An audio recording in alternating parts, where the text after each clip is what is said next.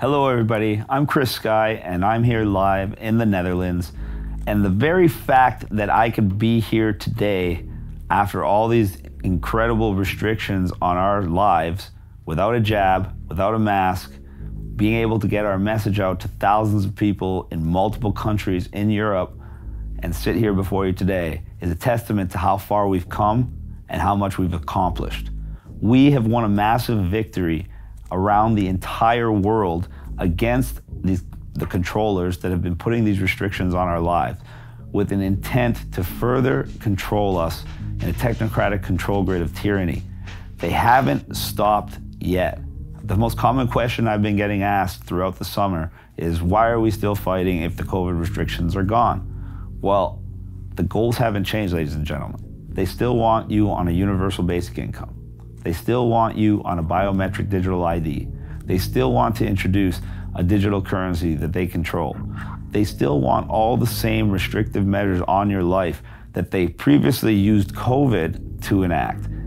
Only now that we've finally stood up for ourselves with movements like the trucker convoy in Canada and the farmers movement here, two of the most important countries fighting in the entire world, by the way, they had to back off. But that doesn't mean they've stopped. Now they're trying to use climate change as a way to pass laws that can make emergency powers basically indefinite. They want to use a worldwide global recession to come after your family personally and make every essential in your life considerably more expensive each and every month. If you don't believe me, look at your energy bill, look at your gas prices, look at your housing prices, and pretty soon, look at your food prices. The climate change agenda is enacted in the Netherlands in particular because you have the number one food supplier in all of Europe. And they plan on reducing your food supply by something like 30%. Not only will this impoverish the farming industry, destroy generational farming families, and absolutely cripple the Netherlands economy, it will cause a domino effect all around Europe. This is what they want. They want to cause as much pain and suffering as possible to force as many of you onto their universal basic income, digital currency, digital identity, technocratic control grid.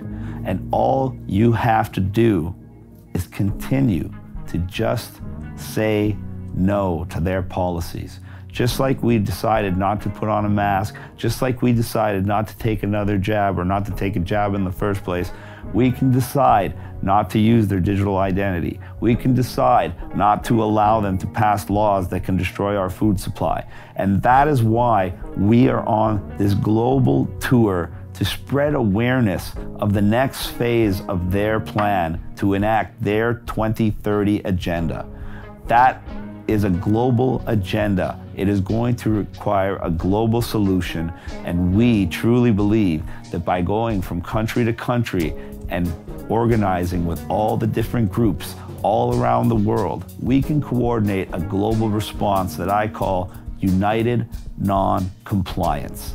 And as long as there are millions of people around the world that are still fighting for freedom and refuse to stop, we can never lose. Just like we've already won so much, their time is getting shorter. The more time that goes by, the more people wake up, and the more people become less of the silent majority and more of the vocal majority.